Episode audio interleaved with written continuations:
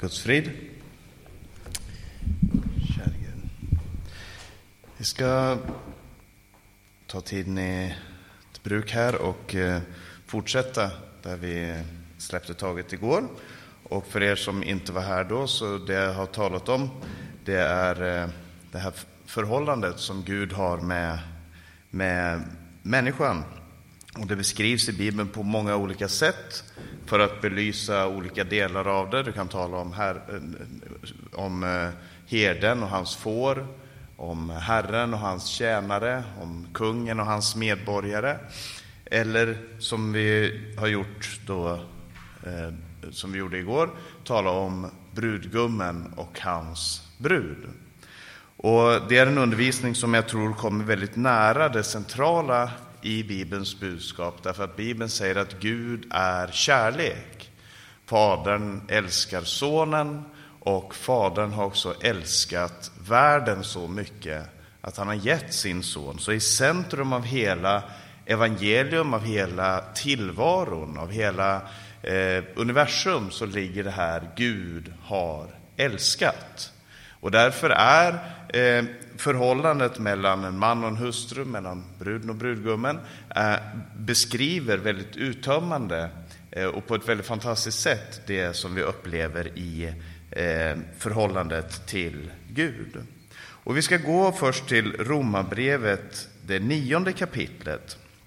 För att det vi såg på igår, det var, eh, handlar mycket om Guds förhållande till Israel när han utvalde dem, när han såg dem och utvalde dem till att komma i tjänst för honom och till att leva i gemenskap med honom som hans brud, som hans hustru.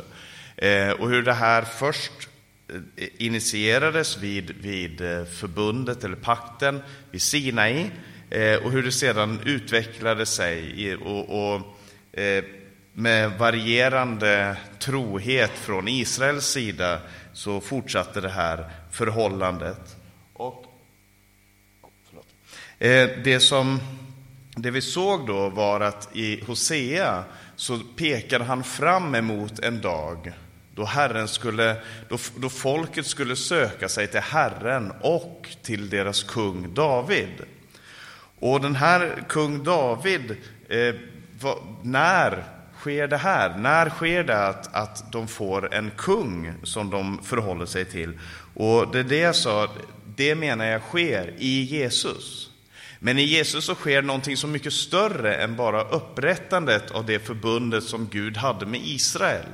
Det som sker är att han dör för hela världens synder. Och han upprättar ifrån alla folk, släkten och stammar en, så, så tar han ut en brud åt sig. Och i Romarbrevets nionde kapitel så finns det en, en retorisk förebråelse mot Gud som skulle kunna ställas ifrån, ifrån då israeliterna. Han säger att de är israeliter, de har alla de här, eh, de har förbundet, de har pakten, de har fäderna, från dem har Kristus kommit och så vidare. Eh, och så kommer den här retoriska frågan i vers 14. Vad ska vi då säga? Finns det orättfärdighet hos Gud? Alltså i betydelsen om, om eh, Gud först hade sagt jag har utvalt Israel, men nu säger han nej, det, av tro så får var och en ta emot den här frälsningen som har kommit genom Messias. Är det då orättfärdighet hos Gud? Och det är det han beskriver här, att sättet som Gud vill frälsa på, det är inte orättfärdigt. Eh, och så kan vi läsa från den 22 versen. Där säger han, men tänk om Gud, trots att han ville visa sin vrede och uppenbara sin makt, ändå med tålamod har burit vredens kärl som var färdig att förstöras. Han använder den här bilden av att i ett hus så finns det olika kärl, en del till hedersamt bruk och en del till mindre hedersamt bruk. Och så är tanken då att Israel, det var det här kärlet till hedersamt bruk, där Gud skulle fylla all sin härlighet och allt det här fantastiska som han skulle ta till äkta för att visa sin kärlek, sin nåd, sin härlighet och så vidare. Medan då resten av världen var vredens kärl som Gud skulle visa sin vrede på, sin makt och, och, och, och, sin rättfärdighet, sin rättfärdiga dom över synden. Men så säger Paulus, men tänk om det är så att Gud har väntat med vredens kärl, haft överbärande med dem, väntat, bidat och nu så kan någonting annat hända. Och om han gjorde det för att uppenbara sin rika härlighet på barmhärtighetens kärl som han i förväg har berett för härligheten. Till att vara sådana har han kallat oss, inte bara från judarna utan också från hedna folken. Så säger han genom Hosea. De som inte var mitt folk ska jag kalla mitt folk och den oälskade ska jag kalla min älskade. Och på platsen där det sades till dem, ni är inte mitt folk, ska de kallas den levande Gudens barn. Och vi som är här idag, vårt, vår släkt, vårt folk, hörde till de oälskade. De som inte fick barmhärtighet, de som inte var Guds folk. Men Gud har i kärlek och nåd och i sin stora barmhärtighet haft överbärande med mig ett vredens kärl. Så till den grad att han har sagt, du ska kallas den älskade. Det här folket ska kallas den älskade, de som har givit sin trohet, sin trofasthet till Messias, till Guds frälsare. Och det här är då utgångspunkten för vår förståelse av att församlingen, de som tror på honom, de som har, som har gett sin allians till Jesus, de är hans brud.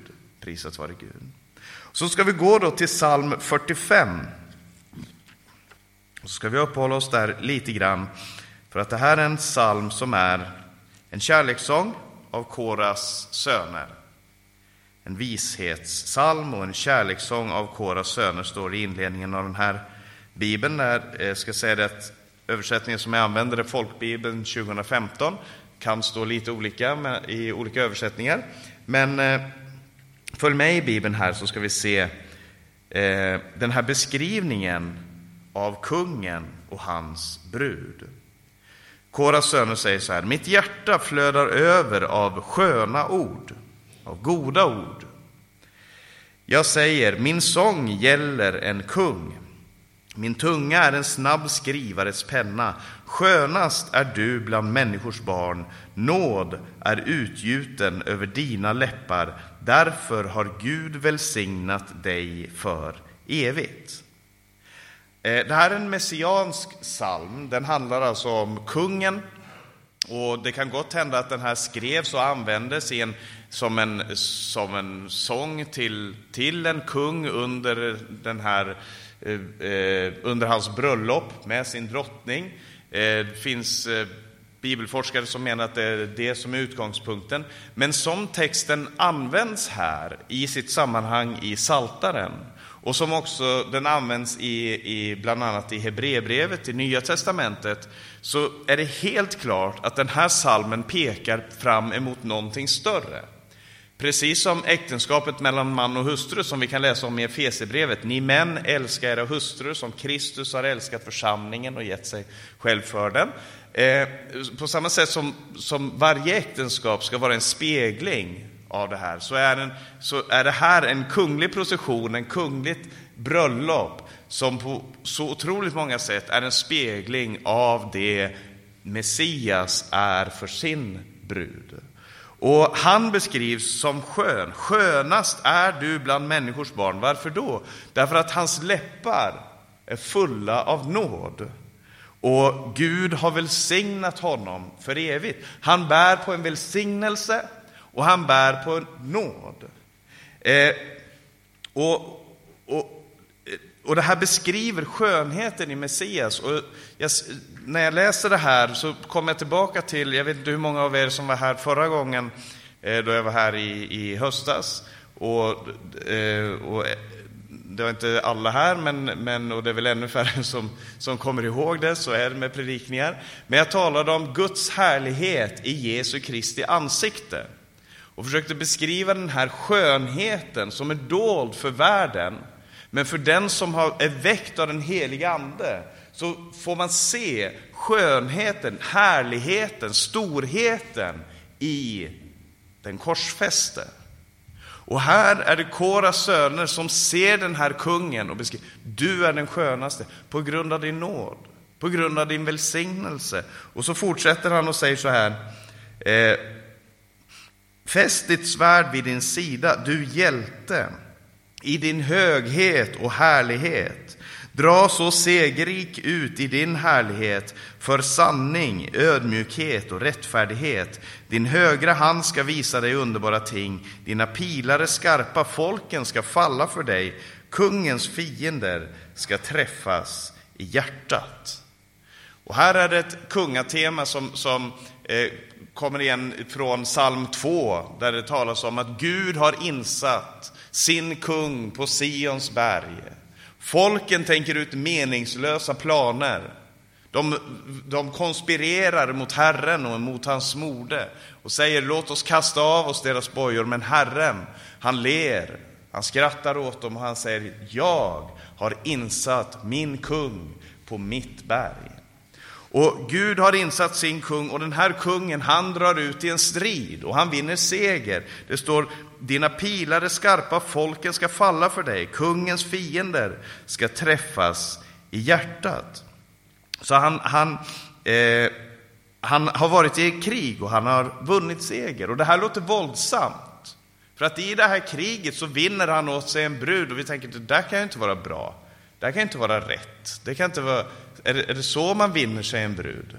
Men det det här är en bild på, det det här talar om, Alltså uppenbarelsen eller fullbordan av det vi läser här, det är alltså när Jesus vinner seger genom att låta ondskans makter göra sitt värsta, gå, gå över hans liv så fullständigt och uppsluka döden i liv.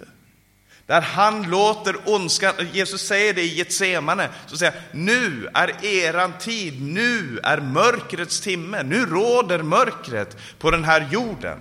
Nu råder mörkret. Men det ska inte alltid vara mörker i det landet. Det ska inte alltid råda detta mörker. För det skjuter upp ett skott. Han återuppstår. Och igår så lästes det här om Maria Magdalena som kom när då i gryningen, när solen stod upp igen. Det var mörkrets timme då, då de tog honom till fånga, men när han återuppstod igen, det var gryning för mänskligheten. Prisat vare Gud. Och, och det, så det är det det handlar om här. Var vinner han sig en brud? Han vinner den i sin död och uppståndelse. Vad, vilka skarpa pilar är det? Jo, det är pilarna som säger idag ska du vara med mig i paradis. Där han för dem över ifrån dödens rike och in i sitt paradis. Prisat vare Gud. Och så, den, eh, så det här, eh, men sen så, så kommer den här beskrivningen av kungadottern, av drottningen i den här berättelsen. Eh, men vi ska, läsa, vi ska läsa vidare här. Gud, säger han till kungen, Gud, din tron består i evigheters evighet, din rike, ditt rikes spira är rättens spira. Du älskar rättfärdighet och hatar orättfärdighet. Därför, Gud, har din Gud smort dig med glädjens olja mer än dina medbröder. Av myrra, aloe och kassia doftar alla dina kläder. Från elfenbenspalats gläder, sig, gläder dig strängars klang. Kungadöttrar är bland dina utvalda, drottningen står vid din högra sida i guld från Ofir. Och här Eh, beskrivs han vidare, alltså han har beskrivits som att han, han strider för sanning, ödmjukhet och rättfärdighet. Han är en hjälte, han har höghet och härlighet. Han är den skönaste av människor, nåd är utgjuten över hans läppar. Gud har välsignat honom. Eh, och han, hans klä, kläder doftar av myrra, aloe och kassia. Det är, finns en, en eh, eh, och så gläder han sig och så står det, och vid din sida så står drottningen i guld från Ofir. Det är också en beskrivning av hans skönhet. Det är en beskrivning av vem han är som person. Alltså alla de här sakerna som, som finns i hans väsen, rättfärdighet, Kärleken till rättfärdigheten, hatet över orättfärdigheten. Men så står vid hans sida någon som också är en spegling av vem han är. Så läser vi vidare. Hör dotter, och här talar då salmisten till den här drottningen. Se och lyssna. Glöm ditt folk och din fars hus och låt kungen åtrå din skönhet, för han är din herre. Böj dig och tillbe honom. Dottern Tyrus kommer med gåvor, de rika bland folket söker din gunst.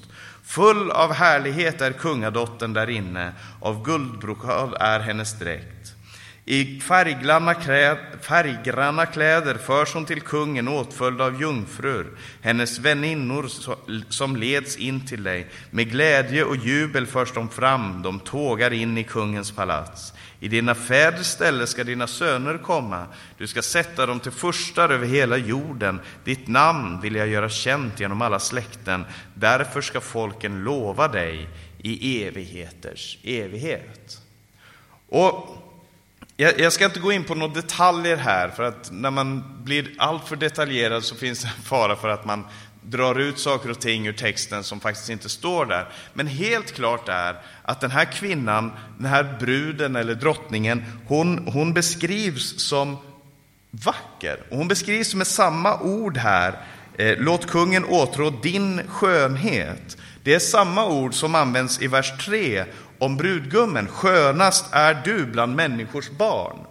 De, de identifieras med samma, med samma ord. Hon är som han, den skönaste. Hon är, bär på någonting som också finns hos honom. Och nu är saken den att skönhet, säger vi ofta, det ligger i betraktarens ögon. Det, du tycker någonting är vackert, jag tycker någonting annat är vackert. Finns det egentligen någonting som man kan säga objektivt är skönt eller vackert? Och det där är en, en eh, filosofi som eh, springer ur det att vi har människan som utgångspunkt. För om jag har mig själv som utgångspunkt, jag tycker det här är vackert, jag tycker det är fint att se på Picasso och du tycker att det är fint att, att se en Rembrandt. Ja, det finns ingen sanning i det. det finns ingen, vi kan inte säga att någonting är objektivt sant. Picasso är objektivt vackert eller, eller Dalí är objektivt vackert om vi utgår ifrån oss själva. Men Bibeln säger att Gud är all skönhets källa. Bibeln säger att Gud är all godhets källa. Han är det goda. Han är det vackra. Han är det största. Det finns en sång, eller en dikt, som på, på engelska, eh, nu har jag, kommer jag inte ihåg precis hur den går. Det är en, en eh, amerikansk eh, kvinna som heter Blair Linne som, som säger eh, Beauty in the eye of the beholder is a lie. It is found in the supreme, the most high. Skönheten, den finner vi hos den högste, den sköna. Det är där. Så, så när, när hon beskrivs som vacker och han beskrivs som vacker så handlar, det om, eh, så handlar det om att de har fått någonting av Gud. Och det är inte märkligt att han har fått någonting av Gud. Han presenteras som Gud. Därför Gud har din Gud smort dig med glädjens olja mer än dina medbröder. Han är Gud. I begynnelsen var ordet, ordet var hos Gud och ordet var Gud. Men att hon beskrivs med samma, det betyder att hon har fått någonting nedlagt i sig som är skönt för honom, som är vackert för honom och som han vill åtrå i henne. Låt kungen få åtrå din skönhet. Och och om vi går till den första berättelsen om den första bruden och brudgummen, den första mannen och hustrun i första Mosebok kapitel 2, så är ju det, vi känner dem som Adam och Eva. Och, och eh, där står det så här, att eh, från den 20 versen, första Mosebok 2, vers 20, Eh, och mannen gav namn åt alla boskapsdjur, åt himlens fåglar och markens alla vilda djur. Men åt Adam fanns ingen medhjälpare som var hans like. Det fanns ingen som han kunde åtrå, helt enkelt. Det fanns ingen som han kunde se och säga, det här är min like. Det här är en som är som jag. Och sen då lät Herren Gud en tung sömn falla över mannen. När han hade somnat tog han ut ett av hans reben, eller tog han ut från hans sida och fyllde dess plats med kött. Och Herren Gud byggde en kvinna av rebenet som han tagit från mannen och förde fram henne till honom. Då sa mannen, äntligen, hon är ben av mina ben och kött av mitt kött. Hon ska heta kvinna, för av man är hon tagen. Därför ska en man lämna sin far och sin mor och hålla sig till sin hustru, och de ska bli ett kött. Och mannen och hans hustru var båda nakna utan att vara blyga för varandra. Äntligen! Jag, jag, jag tycker om den här översättningen. Det, det, det, står lite olika i olika översättningar, men, men det här ordet som används här, det handlar om, om en, en fullbordan. Nu, nu. Alltså, han har väntat, han har sett alla de här djuren som han har gett namn åt. Och så säger han, det, det fanns ingen där. Det var ingenting. Det var vackert, det var skönt, det hade sin skönhet ifrån Gud. Men det fanns ingen som jag kunde åtrå. Och så skapar Gud någonting ur honom. Och när han ser det så säger han, det är det. Det där är det.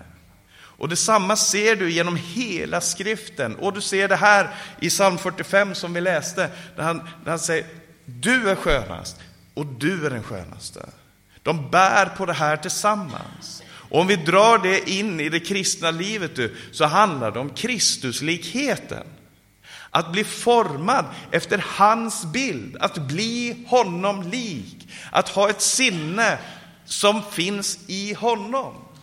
Och så tror jag det är i alla äktenskap. Ju längre två personer har varit lyckligt gifta i alla fall, ju mer sammanfogas de i, sin, eh, i sitt sätt att vara, i sitt sätt att tänka, i sitt sätt att handla. Om det, man, man fogas samman. Och du, den här texten här, det är så stort att det är så många salmer. Du har Höga visan, den största sången som också handlar om kärleken mellan man och hustru. Eh, det är så många sånger i Bibeln som handlar om kärleken. Och den första sången, eller den första dikten, det är det som, som Adam säger här. Hon är, kött, eh, hon är ben av mina ben och kött av mitt kött. Hon ska heta kvinna, för av mannen är hon tagen. Man läser det här på hebreiska, analyserar det, så ser man det här är en dikt. Och det är den första dikten. Varför, varför måste han säga det här i diktform? För att i dikten, eller till skillnad från prosan, där, där har du valt ut dina ord med omsorg för att kommunicera det som du vill kommunicera, för att visa att det här har jag tänkt på. Det här, har, det här har, kommer från mitt hjärta. Det är det vi gör när vi sjunger sånger. Det är det vi gör när vi, när vi eh, läser en dikt. Det här är ord som jag har tänkt på, som jag har suttit och grubblat över. Och det är det som Adam har gjort i sitt möte med bruden, så är det första gången som han måste tänka, hur ska jag formulera det här? Hur ska jag säga det här? Eh, och, och han talar, säger, det här är ben av mina ben. Och det tas upp i Nya Testamentet, där det talas om, om församlingen, om Kristus och hans brud, och säger, ben av hans ben. Ett, att vi hämtar eh, vår identitet ifrån honom. I, I första Johannes brev, jag ska bara ta ett exempel på det här, i, i första Johannes brevs fjärde kapitel. Och jag säger, läs, läs breven med det här i åtanke, med Kristuslikheten i åtanke. Första Petrus brev till exempel talar mycket om det här. Vi, vi, vi lider därför som han led för oss. Vi, vi offrar oss själva så som han offrade sig för oss. Och i, i första Johannes brevs fjärde kapitel och den elfte versen, bara ett exempel. Mina älskade, om Gud har älskat oss så högt, alltså att han gav Jesus Kristus, är också vi skyldiga att älska varandra. Det här är skönheten. Som jag talade om då jag var här sist, alltså skönheten i Jesu Kristi ansikte. Det är det vi ser på korset. Där hela världen vände sig bort ifrån honom och sa, och, och, och det står hans utseende kunde inte behaga oss. Men det var Guds skönhet. Vem förstod vad som förkunnades för oss? För vem blev Herrens arm uppenbarad? Han sköt upp som ett ringa, jordskott, eh, som, som ett ringa skott ur förtorkad jord. Du, det är Jesus. Det är när vi ser korset och får komma tillbaka till det gång på gång på gång, varje dag, i bön, i bibelläsning, i gemenskapen, i brödsbrytelsen. I allt det här, i undervisningen, så får vi komma tillbaka till korset och se upp på honom som dog för oss. Och när vi gör det, syskon, det är då som, som vi ser den här skönheten. Den skönheten i Jesus Kristus. Och när vi får syn på den, det är då som, som vi blir formade efter samma bild. Om han har älskat oss, det här säger inte kristna människor. Alltså de hade kommit ett steg på vägen, men de behövde den här uppmuntras, Se vilken kärlek Gud har visat oss att vi får kallas hans barn. Och om vi är hans barn, du, vi vet att en dag så ska vi bli honom lika, för då ska vi se honom som han är. Men redan nu får vi se honom som han är. I skriften, i syskonen, i mötet med honom i bönen, i mötet med honom i brödsbrytelsen, i undervisningen. Prisat vare Gud. Så får vi se honom som han är och bli honom lik. Med det är helgelsens verk i en människas liv. Det är helgelsens verk i ditt och mitt liv. Bli honom lik. Det är brudens uppgift här i tiden. Och brudens skön, hans skönhet uppenbaras på korset. Var uppenbaras din och min skönhet, brudens skönhet? Jo, den uppenbaras när vi älskar varandra. När vi, om Gud har älskat oss så högt är också vi skyldiga att älska varandra. När vi tjänar de fattiga, de fattiga, de föräldralösa, änkorna, främlingarna, invandrarna, när vi går in i tjänst för dem som ingen annan bryr sig om, de ofödda. Prisat vare Gud, när vi går in i den tjänsten, då liknar bruden sin brudgum. Då får Salomo sin sulamit. Prisat vare Gud. Och så helgelse börjar med att vi får se brudgummen och formas efter honom, lära oss av honom. Och frågan är om vi ser med de ögonen som Jesus ser på syskonen, på människor omkring oss, på de, både de som är frälsta och de som inte är frälsta. Så högt älskade Gud världen att han gav sin enfödde son. Men hur högt älskar Paulus världen? Är han beredd att ta någonting av sitt eget? Låt detta sinne vara i er som också var i Kristus Jesus, han som inte räknade jämlikheten med Gud som ett byte, som ett rövat byte, utan utgav sig själv i det han antog en tjänares gestalt. Jag vill inte anta någon tjänares gestalt, men så ser jag på Jesus och ser det är vägen till seger. Det är vägen för att visa honom min kärlek, min tacksamhet för det han har gjort i mitt liv. Det är att anta den här tjänarens gestalt. För det är vackert i Guds ögon. Och världen kommer aldrig förstå det. Kommer aldrig förstå vad det här slöseriet ska vara bra för. Kommer aldrig förstå varför vi, vi lägger ner våra liv på det sättet. Du kanske ser någon annan som gifter sig och tänker, vad i all sin dar ser han i henne eller hon i honom? Vad, vad är det de ser? Men när de ser på varandra så tänker man, det är kärlek. Det är en kärlek som jag, som, som, som jag också vill få uppleva. Och, och det är precis det här det handlar om. När vi lovsjunger Jesus Kristus och världen säger, vad är all sin dag? Vad är det de sjunger om? Vad är det de talar om? Medan tårar rinner ner för våra ansikten av tacksamhet till det Jesus har gjort för oss. Och människor står runt omkring och säger, jag förstår inte. Men det finns en kärlek där, när det, där det är äkta, när det är sant, när det kommer ifrån ett hjärta som är berört av himmelens Gud. Du, då, då, då kan världen få se att det finns en, en, en frälsare. Det finns en Gud som regerar. Prisat vare Gud. Och i ett äktenskap så säger man till varandra, vad är ett äktenskap? Det är att säga till varandra, jag är helt, exklusivt och för alltid din. Det är att ge sig själv till en annan person helt, exklusivt och för alltid. Eller hur? Det är det vi lovar varandra.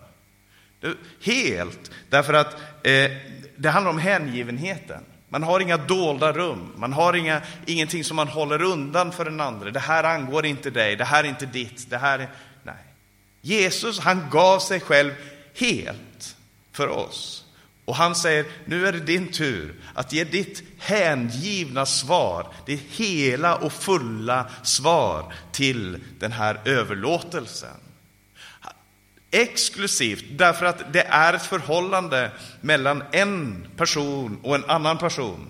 Det är inte, vi bjuder inte in vem som helst. Det är inte vem som helst som kan komma och vara med, eh, alltså som, som kan dela min, som, som min kärlek delas med. Min kärlek den är helt och fullt till den som jag har denna pakten med.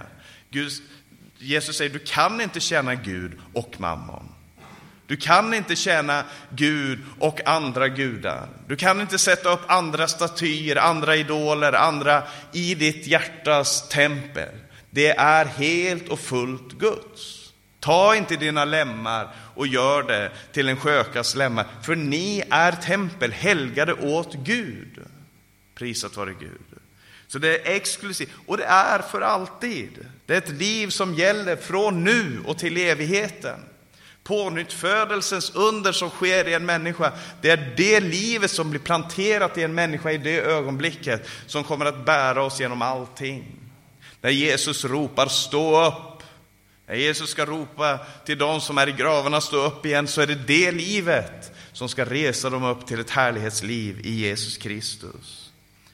Och när jag gifte mig så, så, så, eh, så sa den här eh, eh, så sades det både när vi hade eh, ceremoni på eh, eh, vad heter det, Rådhuset i Oslo och när vi senare hade en eh, i, i församlingen så, så, så nämndes de här orden att älska och ära.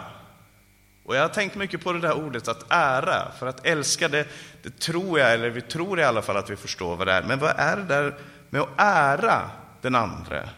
Och så läste jag i Ordspråksboken, Ordspråksboken, eh, det sista kapitlet. Om du är bevandrad i din bibel så vet du att det handlar om, som det står i 1917, en idog hustru. Eh, I den här översättningen så står det en driftig hustru. Andra säger a good wife, står det på engelska ibland.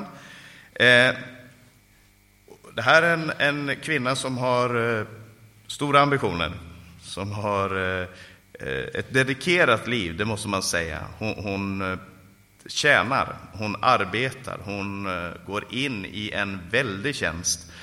Eh, hon har en iver, hon har en vilja, hon har en uthållighet och allt det här. Och så står det i, i slutet där, i vers 28, så står det hennes barn står upp och lovordar henne och hennes man berömmer henne. Många kvinnor har gjort storverk, men du överträffar dem alla. Charm är bedrägligt och skönhet förgängligt, men prisas ska den kvinna som vördar Herren.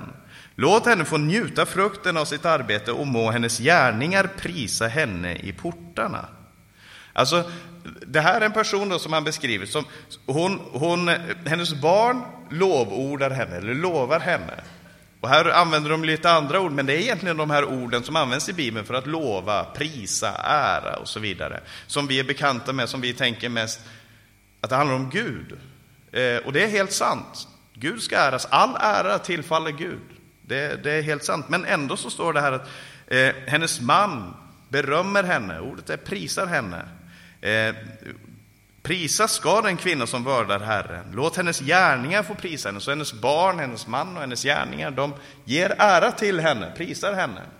Och det låter ju märkligt, och det, det här, har ju, det här kan vara med på att kasta ljus över det som katoliker och ortodoxa, för att ta ett helt sidospår, när de säger att ja, men ni vördar inte Maria, ni, ni prisar inte Maria, trots att hon säger att hädanefter ska alla släkten prisa mig salig, eller hur? Hon, Maria säger det, jag är min Herres tjänarinna, ske mig som du har sagt, hädanefter så ska alla släkten på jorden prisa mig salig. Och så säger de att ja, katoliker och ortodoxa, de, de prisar ju Maria salig, eh, det gör inte ni andra. Eh, och det, det, är en då har man missförstått vad hon menar när hon säger hädanefter ska alla släkten på jorden prisa mig salig. Jag tror att det hänger ihop med det här. För att det, precis den här berättelsen, man kan tala, alltså en människas gärningar, en människas lydighet inför Gud. För de säger, prisa ska den kvinna som vördar Herren. Och så är det för församlingen. När vi, vi ger ära och pris till vår frälsare och Herre, till vår brudgum. Vi bär fram det till honom, vi talar gott om honom, vi sjunger om honom, vi ärar honom. Prisat vare Gud. Det är vår uppgift här på jorden, att älska och ära. Men han älskar och ärar också sin brud. Han gör det för henne. Och det är det vi borde tänka på när vi kommer, både i den lokala församlingen, när vi talar om den universella församlingen, att vi är medvetna om, vi talar om Jesu brud. Och han kommer att försvara hennes ära. Vi, vi, alltså, och, och komma med en jag säger inte att man inte ska kritisera, jag säger inte att man inte ska säga till när någonting är fel. För all del, läs, läs eh, breven i Nya Testamentet, läs profeterna. Det finns mycket kritik att komma med som är rättfärdig. Men att det alltid finns en, en vördnad inför det faktum att man talar till Kristi brud. När jag står här så talar jag till er. Och jag får, det måste vägleda mig i min förståelse av hur jag ska av vilken kärlek jag borde ha till er. Det är lite som, som Paulus i Andra Korinthierbrevet. Det här är en, en, väldigt, en, en text som innehåller väldigt mycket i Andra Korinthierbrevet 11.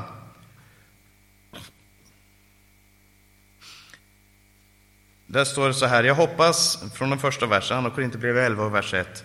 Jag hoppas att ni kan stå ut med lite dårskap från min sida. Visst står ni ut med mig? eftersom jag brinner för er med Guds iver. Paulus brinner för församlingen i Korint med Guds iver. Så tänker jag, var är den elden tänd någonstans? Var får jag tag i den elden? Paulus säger om Timoteus, jag har ingen som han. I Filipperbrevet så talar han om Timoteus, jag har ingen som han som har sån omsorg för er, alltså för församlingen. I Filippi. Alla söker de sitt eget, inte Kristi sak. Alltså, Timoteus han var en man som sökte Kristi sak. Det var det han sysslade med. Paulus säger, jag brinner med en iver för er. Han hade tänts av en glöd för Guds församling som jag skulle önska var nedlagd i var och en av oss. En glöd, inte för att bygga sitt eget, inte för att, för att stabilisera sin egen ekonomi och, och säkerhet i den här tiden, men en glöd och en iver för Guds församling. Om att den ska renas, att den ska helgas, att den ska vara redo för att möta sin brudgum. Att församlingen ska vara i funktion. Att församlingen ska tjäna de fattiga, de faderlösa, änkorna, invandrarna. Prisat vare Gud. Att det finns en iver. Gud, tänd den ivern i var och en av oss. En iver efter att få se din brud i funktion. Prisat vare Gud. Jag har tro, eftersom jag brinner för er med Guds iver. Jag har trolovat er med en enda man, Kristus, och vill föra fram en ren jungfru till honom. Bruden är en. Han säger inte jag ska föra fram en massa rena jungfrur till honom. Bruden är en. Alltid i Bibeln, både i Gamla och Nya testamentet, när det talas om bruden, så talas det om en brud.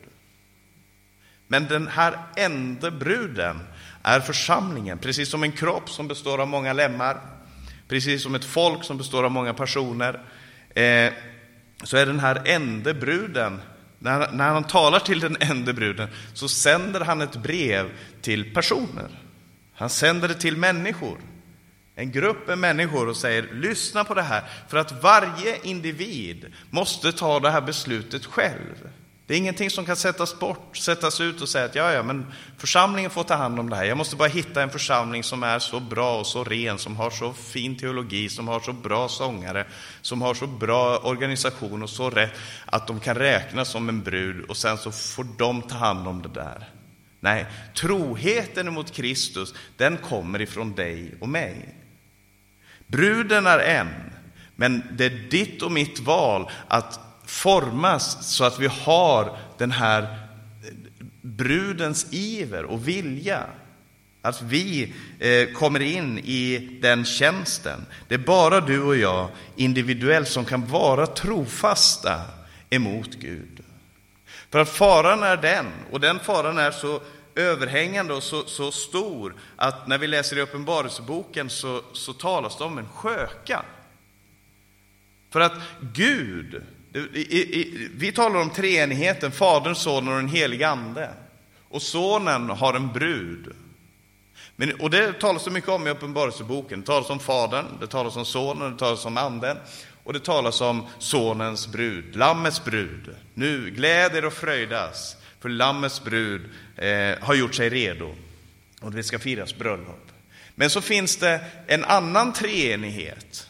Och det är draken, som är antifadern om du vill. Och så är det vilddjuret som är antikrist. Och så är det den falska profeten som är anti-anden. Och vilddjuret, han har också, alltså, han har också sin brud om du vill. Och det kallas för den stora skökan. Den falska, alltså den falska religiositeten, men också det falska sättet att leva som kommer inspirerat ifrån draken. Med draken som herre, med vilddjuret som brudgum, så kommer, så kommer människor att ledas in i ett skökoväsen. Och, an, och den här ängeln som kommer till Johannes säger kom, så ska jag visa dig domen över skökan.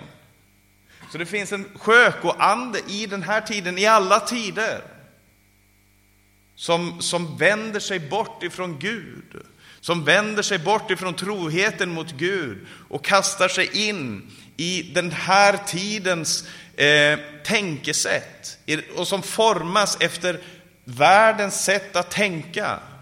Och där är den fara. Att du och jag, vi behöver få fäst våra ögon på Jesus. Få se in i hans ögon och få se skönheten ifrån Golgata kors för att vi ska bli bevarade i den här tiden ifrån Sjöko anden.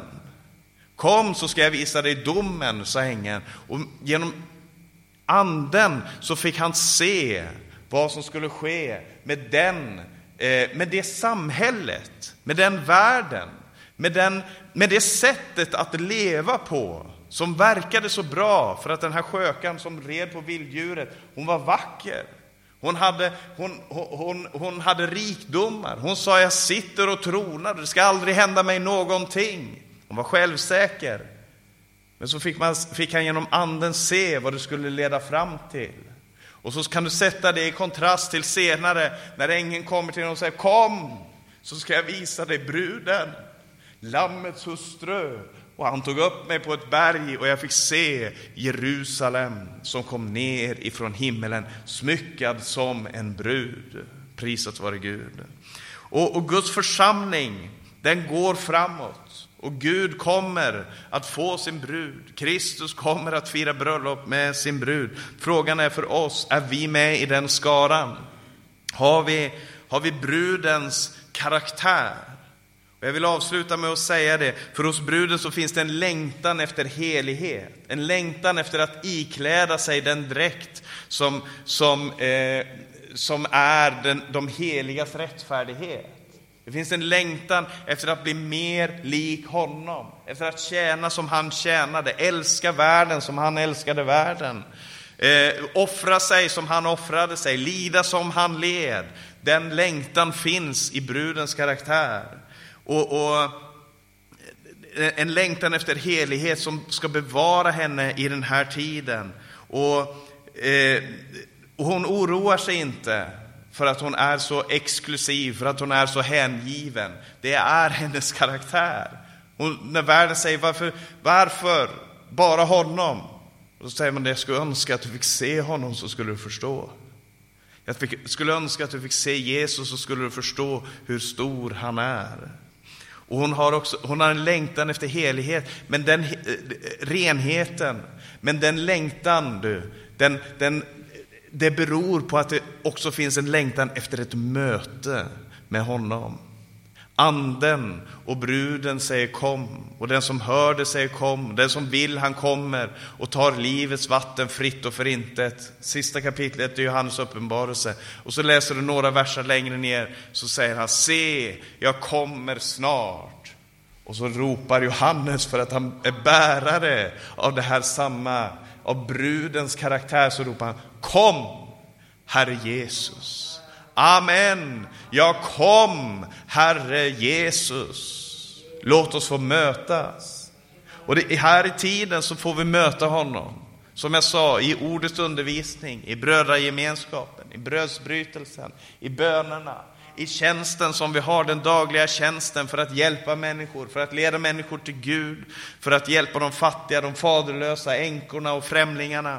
Du, den tjänsten som Gud har satt församlingen i, där får vi möta honom. Och jag hoppas att den här ivern finns nedlagd i oss. Gud, jag vill få möta dig. Jag vill få tala till världen om dig. En iver efter ett möte. Och det mötet, den här ivern, det föder också det här Maranata-ropet i oss. Kom, Herre Jesus. Kom, Herre. Fräls oss, rädda oss. Lös oss ut ifrån den här världen. Prisat vare Gud och låt oss få se din nya himmel och nya jord som du har berett för oss. Låt, oss, låt det få bli vår bön att vi ska få se upp på den korsfäste, få glädja oss i honom, gå framåt i tro, låta tvivlen fara som vi hörde här igår eftermiddag. Låta allt det här, lägga allt det där bakom oss och så få hänge oss åt honom. Prisat vare Gud. Jesu namn. Amen. Jag tackar och prisar dig Fader i Jesu namn. Tackar dig Herre för det här mötet som vi har fått ha tillsammans. Jag ber dig Herre att du ska välsigna syskonen som är här. Jag ber dig att du ska välsigna arbetet som utförs här på platsen. Och när vi reser hem var och en till oss Herre, att vi ska få ha blivit tända av en himmelsk eld. En iver, en brinnande iver för din församling. För att presentera den som en ren jungfru inför dig. Jag lovar och prisar dig Herre. Ber dig att du ska Eh, styrka var och en, Herre. Jag ber dig för, för, för eh, församlingarna som är i Stockholm, Gullspång, på Åland, Herre.